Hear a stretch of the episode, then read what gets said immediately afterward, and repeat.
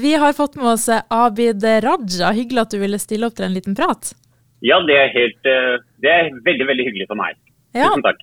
Du skal uh, ha et foredrag basert på boka di nå på Storme konserthus fredag. Er du, er du, klar til det? Du, Jeg gleder meg virkelig til å komme tilbake til Bodø. Um, og de som har lest boka Min skyld, de har jo kanskje fått med også at det var faktisk på, nettopp på vei til Bodø at jeg kom på ideen om å skrive denne boka. Da satt jeg på flyet og skulle mellomlande i Bodø og skulle videre til Svolvær for å klatre Svolværgeita. Så det er litt en ekstra stas å komme tilbake nettopp til Bodø for å da snakke med bakgrunnen i denne boka.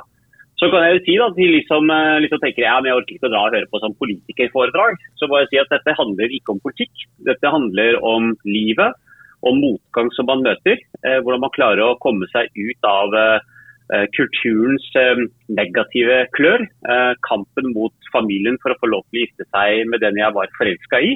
Og en, en, kjærlighetshistorie og en frigjøringshistorie. Apropos det siste der, hvordan, kan ikke du fortelle litt om hvordan det var for deg og kona di Nadia måtte holde forholdet deres skjult i starten? Ja, altså jeg var jo lovet bort til min kusine som bodde i Pakistan eh, fra allerede jeg var et lite barn født her i Norge, i Oslo. Uh, og uh, Nå har jo Nadia skrevet sin bok, og hun har fortalt at uh, i den boka, at, i Min skam heter den boka, da, så skriver hun at hun var lovet bort til sin fetter, også i Pakistan. Og Så møttes jo jeg og Nadia som litt unge folk på starten av universitetstida. Tilfeldig, og vi falt jo for hverandre.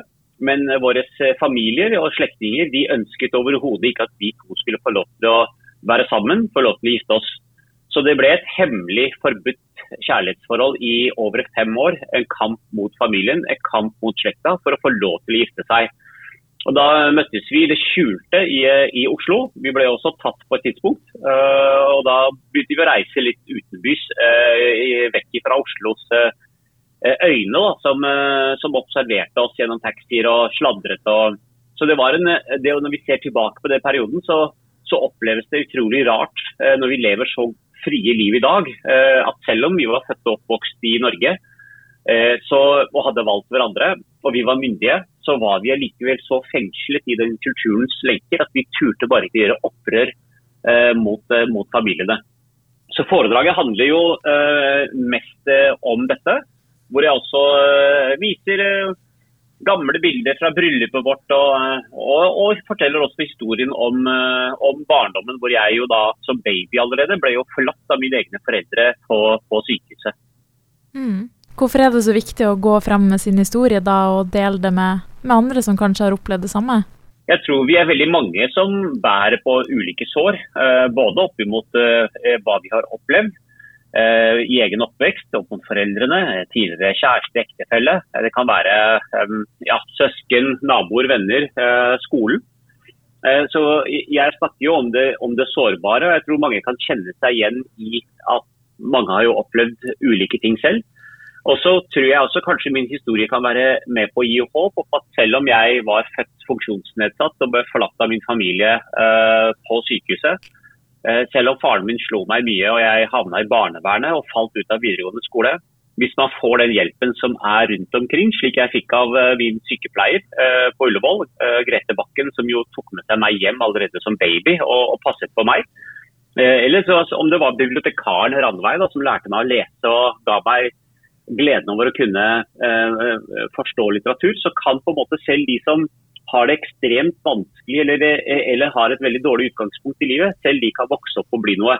Så min historie, Alle vet jo at jeg ble på en måte kultur- og likestillingsminister. Jeg var jo Bodø og dansa sammen med Bodø-dansen. Så alle har jo sett på en måte eh, alt dette. Men så har det jo vært en reise frem dit. Og kanskje kan min historie også gi inspirasjon og håp om at det er mulig å få det til. Og at eh, hvis vi stiller opp for hverandre, så så kan det gå bra med selv de som eh, har dårligst mulig utgangspunkt. Det er jo veldig fint. Og så lurer jeg på, du som har opplevd det her også, at noen så deg. Har du noen tanke om hvordan man lettere kan plukke opp de som på en måte havner litt utenfor samfunnet? Jo, det er jo å se litt bedre etter. Eh, hjelpesystemet er jo faktisk eh, veldig ofte rundt oss, men det er ikke alltid det er lett for et barn eller en, en voksen også å, å, å be om, om hjelp. Fra det offentlige. Og da kan de nære relasjonene, altså søsteren din, kollegaen din, naboen din, kan være vel så viktige som et støtteapparat. Altså en, en, rett og slett en, en skulder å lene seg på. Og Det snakker jeg også mye om i foredraget.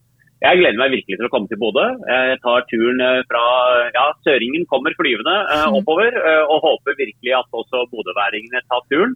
Og så øh, gleder jeg meg til å treffe det mettere at foredraget er blitt holdt, så kanskje vi kan slå av en liten prat også i foajeen der. Supert. Tusen takk. Du får ha masse tvi-tvi på fredag. Ja, tusen takk for det. Vet jo, jeg gleder meg skikkelig. Og uh, Bodø er jo litt i mitt hjerte. Uh, og så er det jo en spesiell følelse nettopp å komme tilbake til Bodø, hvor nettopp jeg på vei til Bodø uh, fikk ideen om å skrive denne boka. Og det er også der jeg innleder i uh, innleder kapittel i boka, handler nettopp om det. Så, så det kommer til å bli utrolig spesielt.